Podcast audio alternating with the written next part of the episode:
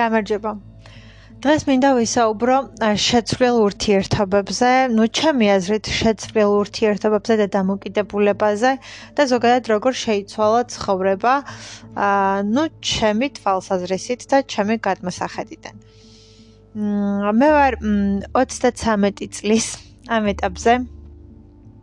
და მე დავიბადა იმ პერიოდში, როდესაც 90-იანი წლები იყო რაღაც ნაწილი მახსოვს, არიან ადამიანები, რა თქმა უნდა, ვისაც ჩემზე უკვე დახსოვს და ბევრად უფრო მკვეთრად იმ თუნდაც 2, 3 ან 4 წლით დიდი ადამიანი ვინც არის ჩემზე, მას ბევრად უკვე დახსოვს ის წლები და კიდე უფრო სხვანაირად ახსოვს ის გამოცდილება. თუმცა რაღაც მომენტები, რა თქმა უნდა, მეც მახსოვს.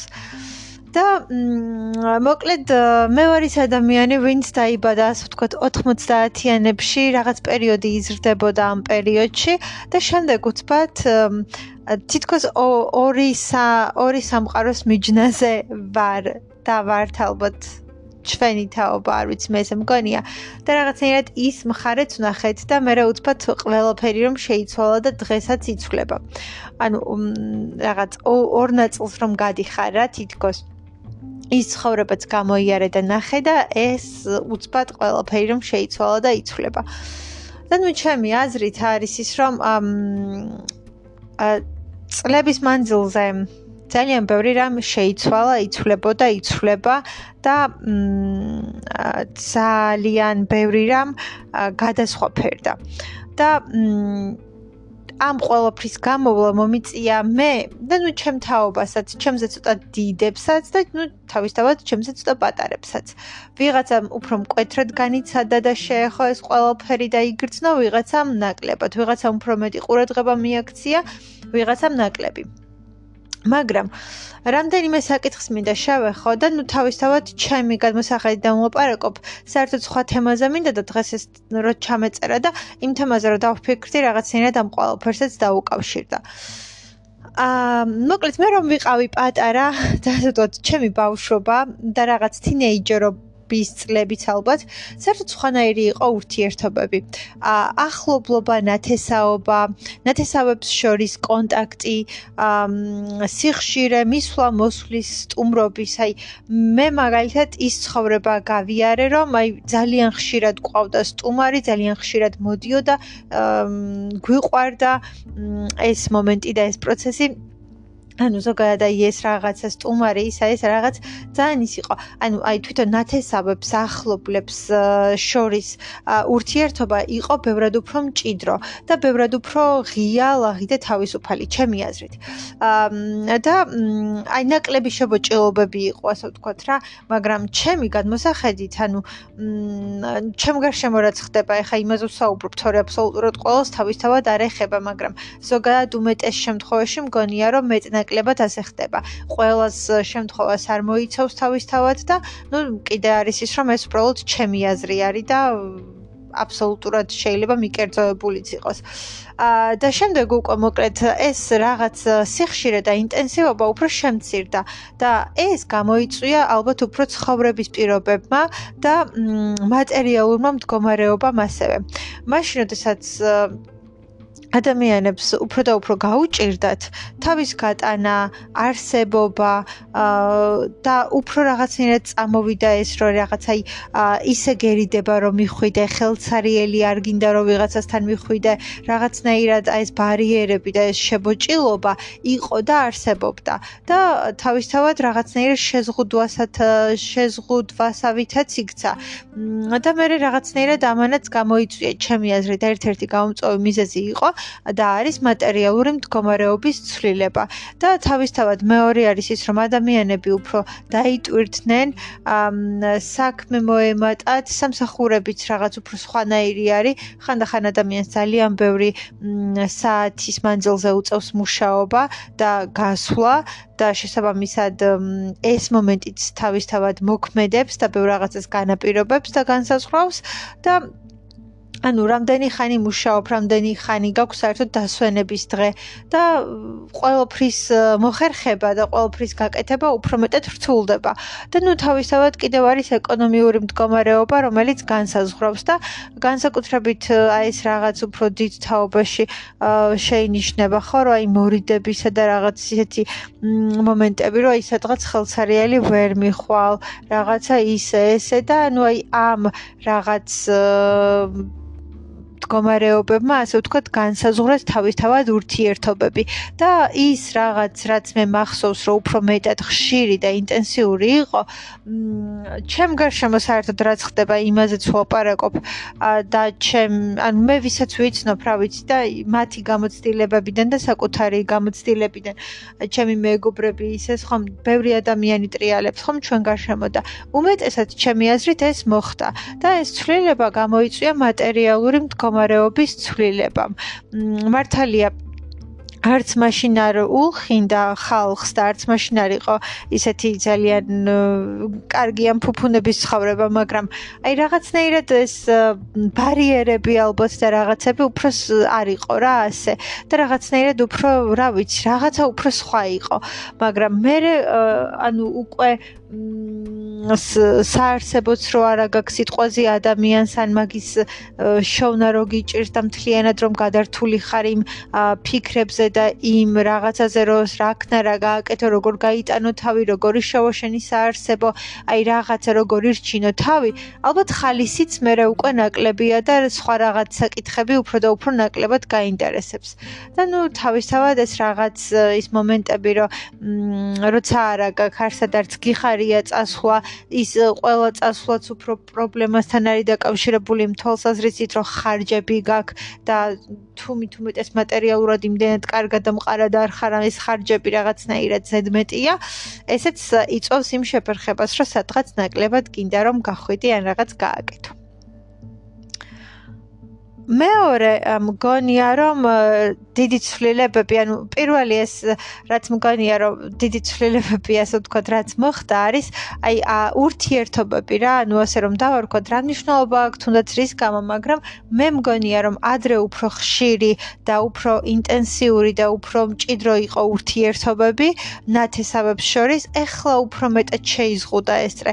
უფრო ანუ ვიწრო წრეზე დავიდა ანუ ძალიან ძალიან ახლო ადამიანებთან თან გაქვს უფრო ხშირი კონტაქტი და ცოტა შორეული ნათესავები და შორეული ნაცნობები ან მეგობრები უკვე სადღაც იქითკენ დარჩნენ და უფრო და უფრო შემცირდა ასეთ ადამიანებთან კონტაქტი ჩემი აზრით მეორე არის ის რომ აა ინტერნეტი, ინტერნეტი და მობილური და კომპიუტერი, ну, რა თქმა უნდა, ნელ-ნელა შემოვიდა. ჩემ ჩემი მახსოვრობიდან გამნერი სადღაც ალბათ მე რომ 15 წლის ვიყავი მაშინ უკვე თითქმის აი ნელ-ნელა უკვე ყველა ყიდულობდა და ყველა რაღაცნაირად ну სადღაც მაგასაკიდან დაიწყო ჩემთვის ანუ 15-დან 20 წლამდე მეტნაკლებად ყველამ რაღაცა შეიძინა და უკვე ყველას ჰქონდა ხო და ამანაც ძალიან ნელ-ნელა, ძალიან ძალიან ნელ-ნელა და ეტაპობრივად, მაგრამ შეცვალა ურთიერთობები, ის რომ ადამიანს ეხმიანები, ის რომ შეგიძლია მიწერო და ურეკო, მისი სიახლეები ნახო, შემდეგ ამ ყოველფერს დაემატა რა თქმა უნდა სოციალური ქსელები. სოციალურ ქსელებში ნელ-ნელა უკვე ყველა თაობის ადამიანი ჩაერთო. რაღაც პერიოდი მხოლოდ უფრო ახალგაზრდები იყვნენ და მე უკვე შემოემატა ყველა ასაკის ადამიანი მათ შორის ძალიან პატარები პატარებიც ანუ რომელთაც წესით შეიძლება რომ არ გქონდეთ მაგრამ ნუ მათაც უკვე ასე ვთქვათ სოციალური ქსელები აქვთ და და და ხო ამანაც განსაზღვრა ის მომენტი რომ ურთიერთობები უფრო მეტად შემცირდა და უფრო მეტად შეიცვალა ეს მდგომარეობა იმიტომ რომ არ ვიცი დღეს უფრო მარტივია გაიგო ყველაზე ყველაფერი. სოციალური ქსელები სულ რომ არ გინდოდეს იმდენ ინფორმაციას გაწვდის და გაძლევს მაგალითად როგორ ცხოვრობს შენი კურსელი. ან არ ვიცი ნებისმიერი ადამიანი შენი რომელიმე ნათესავი რომელიც საუკუნია ალბათ არ გინახავს მაგრამ ის ამბავს მაინც მუდმივად იგებ და რაღაცნაირად იცი როგორ არის, როგორ გრძნობს თავს, როგორ ცხოვრობს, რას აკეთებს. ანუ სულ რომ არ გინდოდეს ამის გაგება, თუ მაგალითად შედიხარ Facebook-ზე და გხვდება პოსტი, ანუ ვერა ვერაუვლი ამას გვერდს, ვერაუგცევ ამას გვერდს და რაღაცნაირად თვალში გხვდება და თავისთავად გინდა თუ არ გინდა ამ ინფორმაციას იგებ, იღებ და იცი. და ნუ ესეც შეიცვალა რომ ანუ აი ეს სურვილი რომ უფრო შორეული ადამიანები, აი დიდი ხანი ვინც არ ყავს ნანახი, ვისთანაც დიდი ხანი არ ქონია კონტაქტი რომ მათ დაეკონტაქტო რომ ნახო რომ რაღაცნაირად კავშირი აღადგინო, ამის სურვილიც უფრო და უფრო გაქრა და სადღაც უფრო მინელდა და მიივიწყეს ადამიანებმა ეს მომენტი. მ იმიტომ რომ რა ვიცი, დიდი მონატრება აღარ არის. სულ რომ უცხოეთში იყოს ადამიანი, იქაც კი და კონტაქტები და მონატრებას რაღაცნაირად აკრობს. ადრე რო უფრო ის ხვანაირად გენატრებოდა, რაღაცნაირად გაქიმის შეგრძნება, რომ იცი მისი ყველაფერი ხარ კონტაქტზე იგებ იმ ადამიანის ყველა სიახლეს, ელაპარაკები, თან ხედავ და რაღაცნაირად ქრება რაღაცები.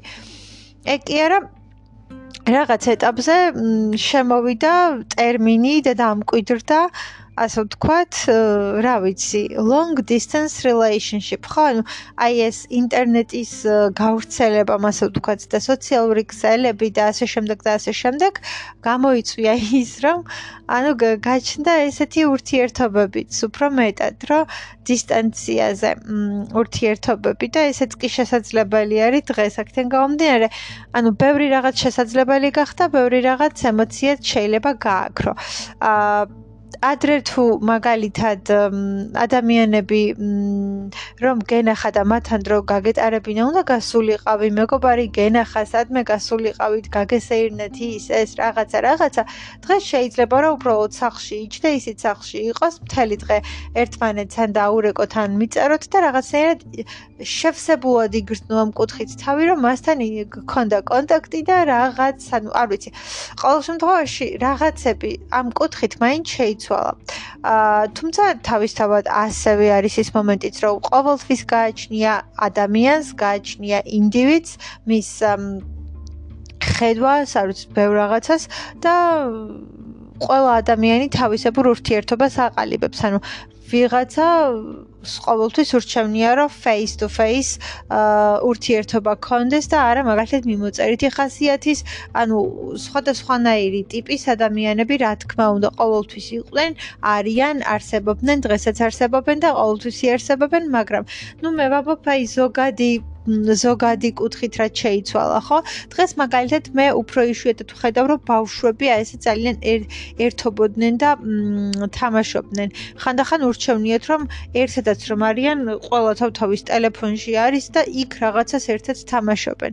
აა ყველა შემთხვევაში არ ხდება ასე კიდევ ნებისმიერ ჩემს წინდებაზე შემიძლია ვთქვა, რომ ყველა შემთხვევას არ მოვიცავ და მით უმეტეს მე არ ვარ ის ადამიანი, ვინც კვლევას ატარებს და რაიმე კვლევას ეფუძნება, ხო, ეს ყველაფერი არის აბსოლუტურად ჩემი დაკვირვებები და ჩემს გარშემო მიმდინარე მოვლენები, ან რასაც უფრო ხშირად ვხედავ და ვაწყდები და ჩემი შთაბეჭდილებები როგორია, რეალური კვლევა არ მინახავს, მაგრამ რეალურად მე რასაც ვუყურებ, იმას ვამბობ. ყველაფერი ყველა შემთხვევას არ მოიცავს, მაგრამ არის შემთხვევები, რომ ასე არის და ასე ხდება. და ნუ მგონია, რომ ეს არის ცვლილებები, იმიტომ რომ ძალიან ბევრ ადამიანს, ალბათ ჩემი ასაკის ადამიანს, ჩემზე რამდენიმე წლით დიდ ადამიანს, ჩემზე ცოტათი პატარა ადამიანს, ეს ყველაფერი თავისთავად ემახსოვრება, როგორი იყო მდგომარეობა ან ურთიერთობები მაშინ და დამოკიდებულებები ადამიანებს შორის და როგორ არის დღეს და როგორ შეიცვალა ეს ყველაფერი. და ნუ ხო თავისთავად აი ეს რაღაც ინტერნეტის გამოჩენამ ესეც შეცვალა. მე თვითონაც ასე ვარ. არიან ჩემ გარშემო ადამიანები ან მეგობრები, რომლებიც ძალიან დიდი ხანია არ მინახავს, მაგრამ მაგრამ რაღაცნაირად მომენტები არის, როდესაც it's okay არის, იმიტომ რომ მაინც რაღაცნაირად ვეხმიანები, მაინც კონტაქტზე ვართ. ანუ შეიძლება მე არ ვნახო ზოგიერთი ჩემი ნაცნობი ან მეგობარი თვეების მანძილზე. შეიძლება რაღაც ხაი ხუთი თვე არ ვნახო მაგალითად და მე რე ვნახო, მაგრამ რაღაცა თუ კონტაქტზე ვართ და ეს ავსებს იმ რაღაცას, ანუ რომ არ არსებობდეს ეს კონტაქტის ფორმები ხომ რომ მივწერო ან რა დავურეკო ან რაღაც თავისთავად უფრო მეტად იქნება იმის სურვილი რომ ნახო იმიტომ რომ მასე არაფერი არ ვიცი. მონატრებაც უფრო მძაფრი არის როდესაც ადამიანს საერთოდ ვერ ეხმიანები და ეს რაღაცები ალბათ შეიცვალა. ჩემი აზრით. და კიდევ ხო რატო რატო დავიწყე ამ ყოველფერზე ლაპარაკი იმე იმაზე დავფიქრდი რომ ზოგადად თავიდან უფრო მეტად მინდოდა ჩამეწერა იმაზე თუ როგორ შეცვალა მდგომარეობა და ყველაფერი, ანუ ფულმა, მატერიალურმა მდგომარეობამ და ფულისადმი დამოკიდებულებამ, აი ამ თემაზე უფრო მეტად მინდოდა რომ ესაუბრა და მე გამახსენდა რომ ფულმა და ის მატერიალურმა მდგომარეობამ, ქონამ, არ ქონამ, რა გაქ რა არ გაქ, გიჭირს თუ გილხინს, ამან ასევე შეცვალა დიდ წილად ურთიერთობებიც ადამიანის ურთიერთობებსაც იქონია გავლენა. ადამიანები ხშირად ნახულობენ ერთმანეთს თუ ვერ ნახულობენ, ხშირად გადიან სადმე თუ ვერ გადიან.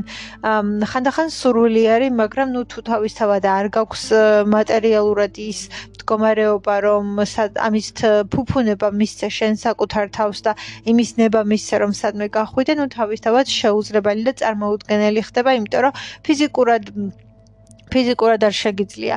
ხშირ შემთხვევაში მეგობრობასაც განაპირობებს ეს და ჩემ გარშემო მომისმენია ადამიანებისგან ასეთი ფრაზები და ასეთი წინადადებები, რომ ხო, ანუ შეიძლება რომ მეგობარი უბრალოდ ვერ ნახო. ვერ ნახო, იმიტომ რომ ანუ ყოველ კვირა შეიძლება ვერ ნახო შენი მეგობარი ან მეგობრები. ოღონდ განა იმიტომ რომ ეს არ გინდა, ან განა იმიტომ რომ ამის ნაკლები სურვილი გაქვს. არამედ იმიტომ რომ რეალურად არ გაქვს იმის ფუფუნება და არ გაქვს იმდენი შემოსავალი რომ ყოველ კვირას სადღაც გახვიდე და იქ დახარჯო. შეიძლება იმდენი გქონდეს რომ იმ წუთას დახარჯო მაგრამ იმის შემდგომ უკვე აღარ გაქვს იმდენი რომ ანუ შემდეგ უკვე რაღაც ეტაპზეც ეს ყველაფერი გაწვდეს. აქედან გამომდინარე ხო ეს ჩვენი მატერიალური მდგომარეობა რეალურად ძალიან განსაზღვრავს იმას როგორ ვცხოვრობთ და როგორი ურთიერთობები გვაქვს, რამდენად მჭიდრო ურთიერთობები გვაქვს, რამდენად მხიარულები ვართ, რამდენად ვერთობით. აი დღეს მაგალითად ძალიან მნიშვნელოვანი არის. მე მე რომ მაგალითად ეხლა მომინდეს რომ სადმე რომელიმე სასტუმროში, სადმე ქალაქგარეთ წავიდე და ესე ვთქვათ, ვიკენდივით ანუ relax days რაღაც ესეთი მოვიწყო ფაქტობრივად წარმოუდგენელი არის ხო ანუ მაშინ ძალიან კარგად გელას რო წახვიდე ძალიან რაღაცა ისეთი შემოსავალი უნდა გქონდეს მ არ ვიცი ხშირად ყოველ შემთხვევაში ამას ვერ შვები და ვერ აკეთებ. ყოველს არ ეხება ეს რა თქმა უნდა, ასევე იმიტომ რომ ზოგს ძალიან კარგი მატერიალური მდგომარეობა აქვს, ზოგს ძალიან კარგი შემოსავალი აქვს და ზოგიერთი ადამიანი ასეთ დღეებს ძალიან ხშირად იწყობს. მაგრამ ასევე არის ის ადამიანები, არიან ის ადამიანები, რომლებიც ამას ხშირად ვერ აკეთებენ და ზოგიერთი მათგანი ძალიან იშვიათად აკეთებს. ან ზოგიერთი საერთოდ ვერ აკეთებს, იმიტომ რომ მატერიალური მდგომარეობა და ის ანაზღაურება და ის შემოსავალი, რომელიც ამ ადამიანს გააჩნია, ფიზიკურად არ ყოფნის იმ ყველაფერს, რომ რეალურად იცხოვროს ისე როგორც უნდა რომ იცხოვროს, აკეთოს ის რაც უნდა რომ აკეთოს და მისცეს თავს იმის უფლება და მისცეს თავს იმის ნება რომ სადღაც წავიდეს და ისვენოს, განიტვირთოს ძალიან ხშირად იაროს კაფეებში, ძალიან ხშირად გავიდეს სადღაც, ანუ როგორც არ უნდა ვისაუბროთ, მატერიალური მდგომარეობა ძალიან ბევრ რაღაცას და ძალიან ბევრ ურთიერთობას განსაზღვრავს დღევანდელობაში. და რეალურად რეალურად ძალიან ბევრი რამ განსაზღვრა და განაპირობა მოკლედ და განაპირობებს ჩემი აზრით მატერიალური მდგომარეობა და აი რამდენად დაალაგებული, რამდენად მშვიდი, რამდენად უზრუნველყოფილი ცხოვრება გაქვს ამას განსაზღვრავს შენი შემოსავალი. აა რამდენად ასე ვთქვათ, არასტრესული დღეები გაქვს. რამდენად ხშირად ახერხებ, რომ გახვიდე მეგობრებთან ერთად და განიტვირთო. ესეც ხომ ერთ-ერთი განტვირთვის საშუალებაა და ფაქტობრივად რაღაც რილექსი არის, ხო, ცხოვრებაში, რომ განიტვირთები, ნახულობ, მხიარულობ, იცინი, ერთობ იმათთან ერთად. რამდენად ხშირად ახერხებ, რომ მეგობრებთან ერთად ქალაქგარეთ გახვიდე და დაისვენო. მithumetes დღევანდელ ცხოვრებაში და პირობებში როგორც აღვნიშნე, აი ეს Facebook-ი რა ვიცი, ნებისმიერი სოციალური ქსელი ინსტაგრამი ნებისმიერი, არ ვიცი. ხედავ ასევე იმ ადამიანებს, ვინც ამ ყველაფერს ხშირად აკეთებენ და ასე ერთობიან, ასე განიტვირთებიან, ასე მშვიდად გრძნობენ მეგობრებთან ერთად თავს გადიან. არ ვიცი და ეს ძალიან კარგი არის, მაგრამ მე შენც გინდა რომ შენც გქონდეს ამის ფუფუნება, შენც გქონდეს ამის შესაძლებლობა, შენც გქონდეს ამის მ არ ვიცი, ის მდგომარეობა, რომ შენ შეძლო ყოველფრის გაკეთება და უბრალოდ არ უყურებდე სხვა ადამიანების ფოტოებს და არ უყურებდი ამ ყოველფერს შორიდან და უბრალოდ ესე ნატრობდე და გინდოდეს მხოლოდ სურვილის დონეზე. გინდა რომ შენს რეალობაშიც იყოს ეს ყოველფერი. მმ და რთული არის მე როდესაც არ არის გაღიზიანება სიწვევს. რამდენ ხო, აი რამდენ ხშირად ახერხებს ადამიანი დღევანდელობაში, რომ მეგობრებთან ერთად იაროს, განიტვირთოს, მ სადღაც გავიდეს ქალაქ გარეთ, ან რომელიმე რესტორანი, კაფე, რაღაც ბარი, რაღაცა ეს ადგილებში ხშირად წავიდეს. თუნდაც კვირაში ერთხელ ხო? არ გულისხმობ ხა ყოველდღიურ სადმე გასვლას, მაგრამ ამას ხო მატერიალური მდგომარეობის მდგომარეობის რაღაც ისეთი ანუ ისეთი პირობები უნდა გქონდეს და იმ ხელშემოსავალი უნდა გქონდეს რომ გეყოს. მithumetes დღევანდელობაში, როდესაც ყველაფერი ანუ ძალიან ძვირი არის გაძვირებულია ზოგადად და ერთი ყავაც კი რო უკვე ანუ არ ვიცი ის ადამიანები რომლებსაც უყვართ გარეთ გასვლა და სიარული და სადმე დაჯდომა მე ძალიან მიყვარს და წლები არის 100 არის ჩემ ცხოვრებაში და არ ვიცი, მე მახსოვს რა ფასები იყო ადრე და რა ფასები არის დღეს და ყველაფერი რომ არის გაორმაგებული, გასამაგებული ხანდახან და არ ვიცი, თავისთავად ეს ართულებს იმ ყველაფერს რომ ძალიან ისე შვიდად იცხოვრო. აა რამდენად არის იმის შესაძლებლობა რომ მქონდეს ყველაფერი რაც გინდა? რამდენად არის იმის შესაძლებლობა რომ გახვიდე და იყიდო საკუთარი თავისთვის ყველაფერი რაც მოგინდება რომ გქონდეს? რამდენად არის იმის შესაძლებლობა რომ აა დაისვენო იქ სადაც გინდა და დაისვენო კომფორტულად. რამდენად არის იმის შესაძლებლობა რომ წახვიდე უცხოეთში სამოგზაუროდ? ანუ და დღეს მით უმეტეს სიმცხოვრების პირობებში, როდესაც გამოწვევები არის ძალიან დიდი და გამოწვევები არის ისიც, რომ როდესაც შენ მართლაც უყურებ სხვა ადამიანებს და როდესაც შენ უყურებ სხვა ადამიანების ცხოვრებას, მათ პირობებს და როდესაც უყურებ მათ ანუ გულისხმობ იმ ადამიანებს, ვინც ძალიან კარგად ცხოვრობენ და ვისაც აქვთ. და რაც ძალიან კარგი არის, რა თქმა უნდა, მათთვის ძალიან კარგი არის და არ ვიცი, გადასარევია რომ რაღაცა წელი მაინც ცხოვრობს უფრო ისე ლაღიან ბედნიერი ან მშვიდი ან ისეთი ცხოვრობით რომ აი აქვთ ყველაფერი რაც უნდათ ან მოუნდებათ.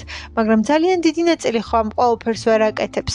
ეს ძალიან დიდ გაღიზიანებას იწვევს. ჩემი აზრი არის ასეთი როდესაც ჩვენ უყურებ რომ აი იმ ადამიანს ყველაფერი აქ იქ დადის აქ დადის კი მის გამო გიხარია მისი ამბავი ძალიან გიხარია მაგრამ შენ რო ეს ყველაფერი მაგალითად გაკლია და არ გაქვს ძალიან დიდ უსიამოვნო განცდას იწევს საკუთარ თავში დაურწმუნებლობას ხანდახან დეპრესიულ ფონსაც იწევს იმ მდგომარეობას რომ გაღიზიანებული ხარ. იწევს იმ ემოციას რომ რაღაცა ი გაკლია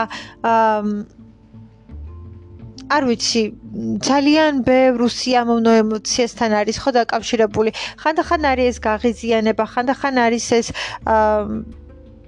არ ვიცი ცოტათი საკუთარი თავით იმედგაცრუება შეიძლება იყოს ის რომ საკუთარ თავის მიმართ ასე ვთქვათ, საკუთარ შესაძლებლობებში შეიტანო ეჭვი, საკუთარ თავში აღარ იყო იმდენად დარწმუნებული, თავდაჯერებულობა და თვითრწმენა ჩამოგაკლოს, იმიტომ რომ შენ რაღაცა იმდენად კარგად ვერ გააკეთიან, ვერ შეძელიან, შენ იმდენს ვერ შეულობ. აა, როდესაც შენთვის რაღაცები უფრო მეტად იშვიათი და მიუღწეველი არი ხდება.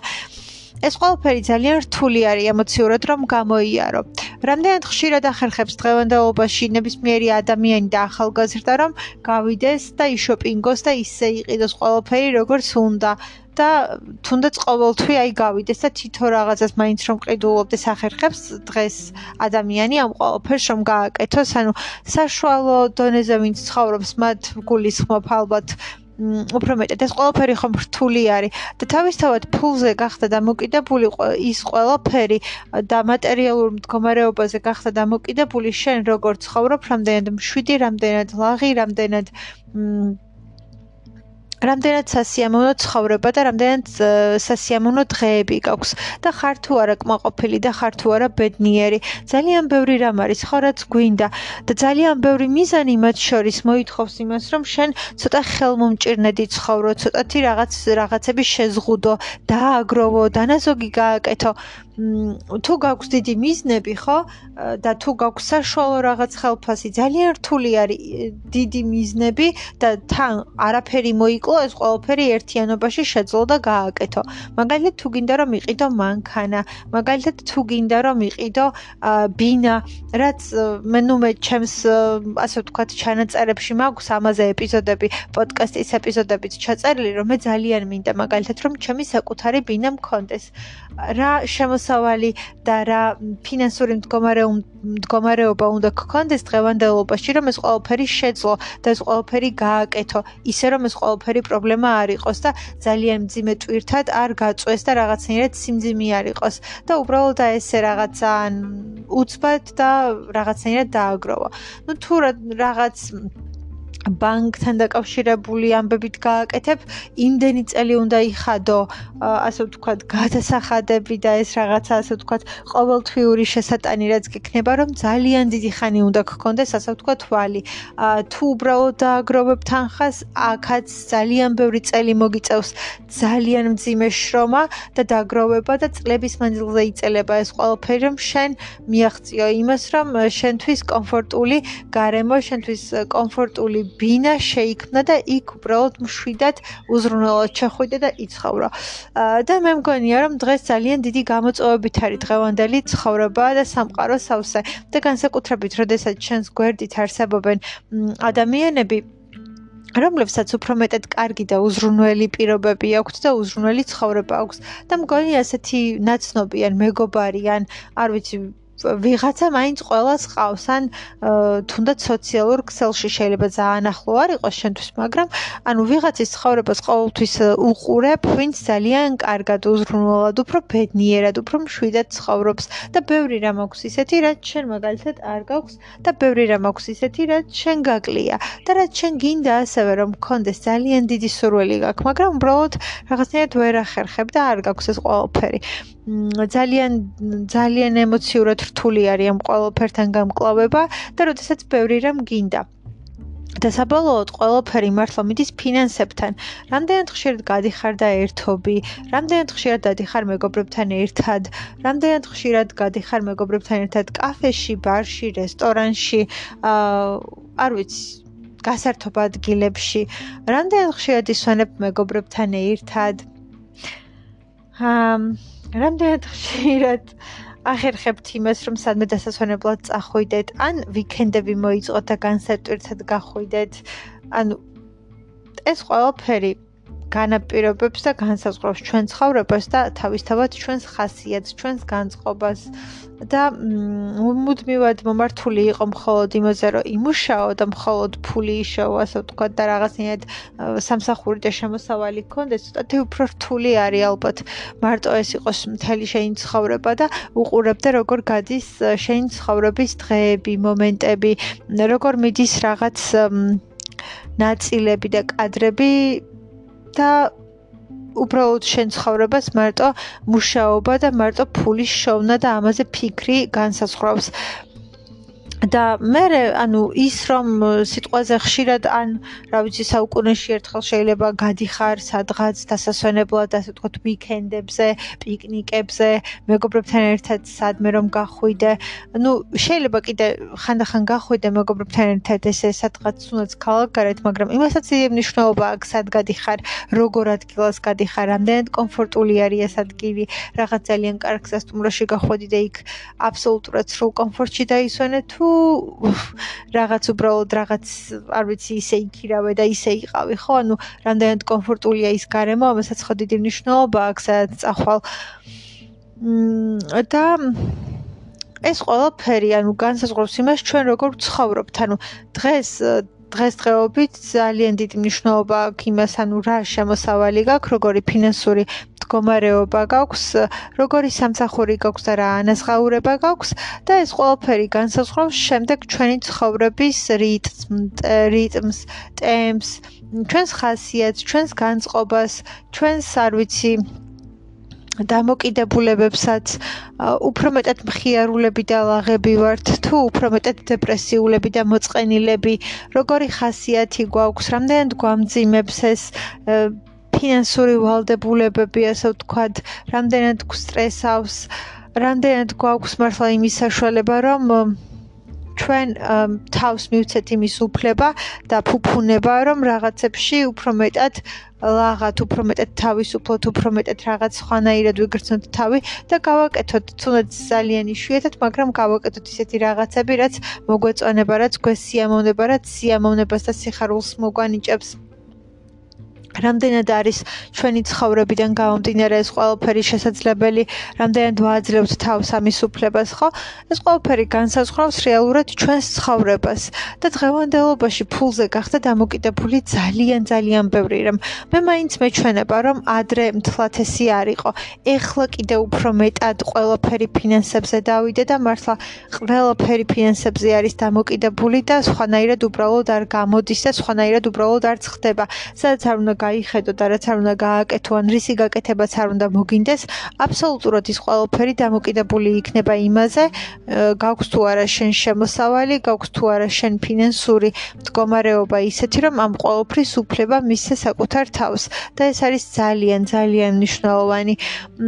და ასევე მგონია, რომ ურთიერთობებსაც განაპირობებს და იმიტომ დავიწყე, იმით რითიც დავიწყე დღევანდელი ჩანაწერის გაკეთება, რომ ანუ შენ თუ არ გაქვს იმის ფინანსური ისეთი მდგომარეობა, რომ სადმე გახვიდე და მეგობრები ნახო ხოლმე და თუ სიტყვაზე ეს უფრო და უფრო იშვიათი და უფრო და უფრო იშვიათი და კიდევ უფრო და უფრო იშვიათი ხდება, თავისთავად ჩვენს ურთიერთობებსაც განაპირობებს და განსაზღვრავს.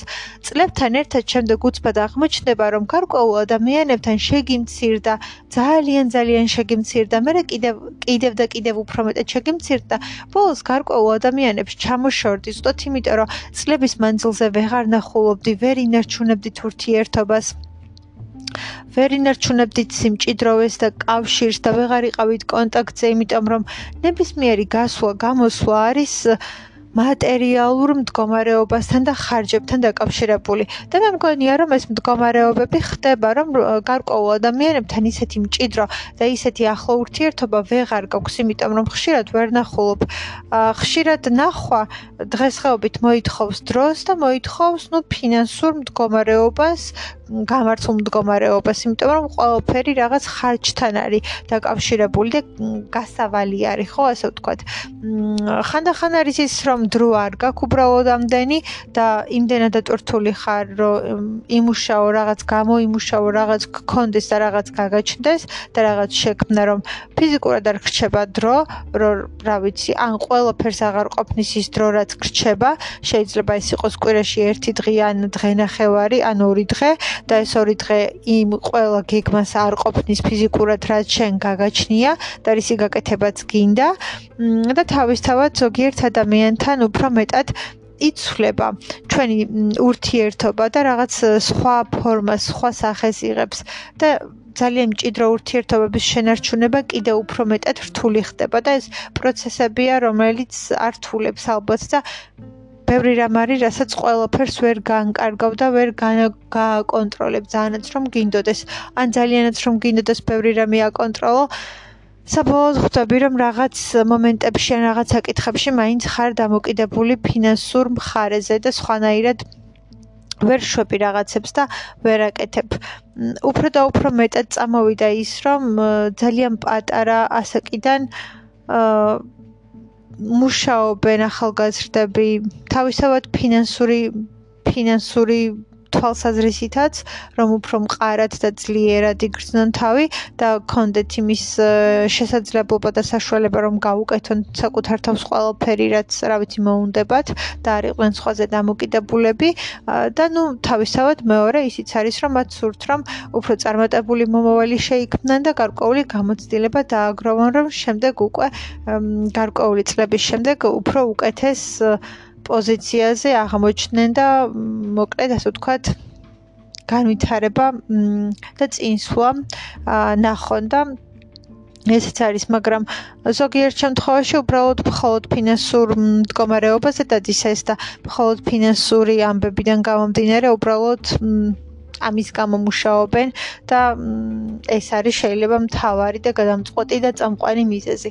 და ესეც იმიტომ, რომ დღევანდელობაში ყველაფერს სამწუხაროდ არ ყოფნის ჩვენი ფინანსები და ხანდახან ძალიან ძალიან კარგი ფინანსური მდგომარეობა და ძალიან კარგი ანაზღაურება უნდა გქონდეს, რომ მოახერხო შეძლო და გაწვდა იმ ყველა არ ვიცი მოთხოვნას და შინაგან სურვილს რომ გქონდეს ყველაფერი რაც გინდა რომ გქონდეს რომ გააკეთო ყველაფერი რაც გინდა რომ გააკეთო და საკმაოდ რთულია და საკმაოდ რთულდება მთელი ეს პროცესი.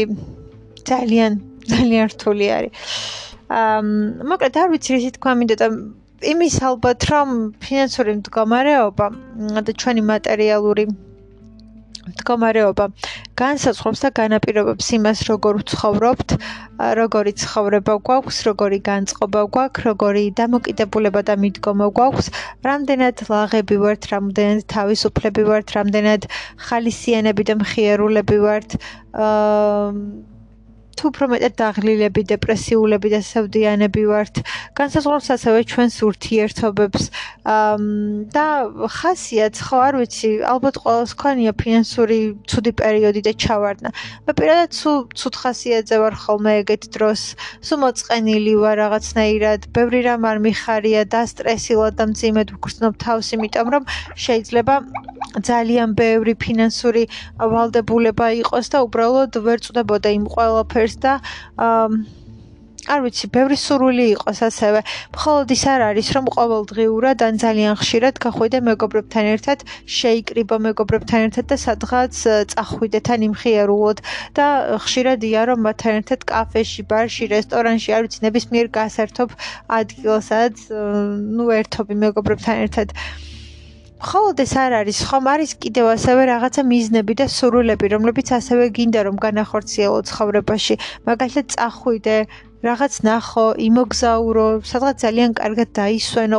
აი, ყველაფერი ნებისმიერი სურვილი საბოლოოდ მიდის ფინანსებთან და ამას გვერდს ვერაული, რაც არ უნდა გააკეთო, ყველაფერი რაღაცნაირად კვეთს და უკავშირდება ფინანსებს. და დამოკიდებული დამოკიდებული არის ამ ყველაფერზე. და რთულდება ეს ყველაფერი. ასევე თუ გინდა რომ არ ვიცი ვიღაც ადამიანი ნებისმიერი და თხევანდელ თაობაში უფრო და უფრო მეტი მგონია რომ არის ესეთი ადამიანი უფრო მეტ ახალგაზრდას აქვს და უჩნდება იმის სურვილი რომ დამოუკიდებლად იცხოვროს და დამოუკიდებლად იყოს მე ესე მგონია ყოველ შემთხვევაში რასაც მე ვუყურებ და ვხედავ ასე არის და შეიძლება ვწდები და თავისთავად ყველა ესე ვერ იქნება მაგრამ უფრო მეტი არის ასეთი ვიდრე მაგალითად იყო 10-ან 15 წლის წინ. ზოგ 10-ან 15 წლის წინ ძალიან ცოტა ადამიანი თუ ფიქრობდა ამაზე რომ რაღაც თავისთვის უნდა და რომ ეცხოვრა და მოუკიდებლად უნდა რომ ეცხოვრა. მაგრამ ეს რაღაც დამოკიდებულებები მიდგომები და სურვილებიც ალბათ წლებთან ერთად შეიცვალა არ ვიცი. ამ ხო და ნუ ის ადამიანები ვისაც ასევე ჩემსავით აქვთ და ჩემი მეგობარი მაგალითად რომელსაც ასევე ძალიან უნდა რომ თავისი ბინა შეიძინოს, რამდენად დიდ სირთულესთან და რამდენად დიდ გამოწვევებთან არის დაკავშირებული და რამდენად რთული არის რომ კონდეს და იშოვო იმდენი ფული და კონდეს იმის შესაძლებლობა რომ ეს ყველაფერი გააკეთო რომ შეიძინებინა რომ მოაწყო. მხოლოდ შეძენა ხომ არ არის და ბინის ყიდვა ხო? უნდა გაარემონტო შემდეგ არ ვიცი უნდა იყიდო ავეჯი ტექნიკა ყოველდღიური ნივთები ხო? ეს არ ვიცი ჭურჭელი ძალიან ბევრი წრომანი არის. ანუ საბოლოო ჯამში ყველაფრით რომ უზრუნველყო და ყველაფერი რომ გააკეთო რაც გინდა, ან რაც გჭირდება, ხვდები რომ ძალიან ბევრი, ძალიან ძალიან ბევრი და ძალიან კარგი ფინანსური მდგომარეობა სჭირდება ამ ყველაფერს და ხანდახან ამ ყველაფერს ან წვდები, ან ვერ წვდები, ხანდახან ეს სუთხასიაძე გაყენებს, ხანდახან ეს სulis შენს განწყობებს, ემოციებს და მოკლედ მგონია რომ დღევანდელი ცხოვრება ძალიან გახდა დამოკიდებული და გადაჭრული ფინანსურ მდგომარეობაზე და ასევე შენი ფინანსური მდგომარეობა ძალიან ბევრ საკითხს და ძალიან ბევრ მომენტს განსაზღვრავს შენს ცხოვრებაში და ძალიან ბევრი არის დამოკიდებული შენს ფინანსურ მდგომარეობაზე და ძალიან ბევრი რამ არის მოკლედ დამოკიდებული იმაზე თუ როგორი ფინანსური მდგომარეობა გაქვს და როგორ როგორი პირობებით ასე ვთქვათ ცხოვრობ ამაზე არის ძალიან ბევრი ბევრი რამ დამოკიდებული. მოკლედ ეს მინდა და რომ მეთქვა გისურვებთ საკმაოდ კარგ ფინანსურ მდგომარეობას და ყველა თქვენს ფინანსურ გეგმებთან წარმატებებს წინსვლას და მე მგონი დღეს ყველა ადამიანს საერთოდ უნდა და სჭირდება და აქვს იმის სურვილი სურვილი და მოთხოვნილება, რომ ფინანსურად იყოს უზრუნველყოფილი, თავს გრძნობდეს კარგად და როდესაც ფინანსურად კარგად ხარ, უფრო მეტი თავდაჯერებულობა, უფრო მეტი სიმტკიცე, უფრო მეტი სილაღე და უფრო სხვანაირი ხდები, როდესაც ფინანსურად გამართული ხარ და ზუსტად იცი რომ რაღაც რომ იყოს, აი ხარ რაღაც გაქვს და უფრო მშვიდად ხარ, ასე ვთქვათ. და მე ყველას გისურვებთ ფინანსურ კეთილდღეობას და კარგ ფინანსურ შემოსავლებს, ასე ვთქვათ, კარგ განაცხაურებას და კარგ სამსახურს. აა, სასრულ სამსახურსაც კომფორტულად იგრძნობთ თავს და ანაზღაურებად შესაბამისად კარგი გექნებათ. მოკლედ, ყოველს წარმატებები. მადლობა, რომ მისმინეთ.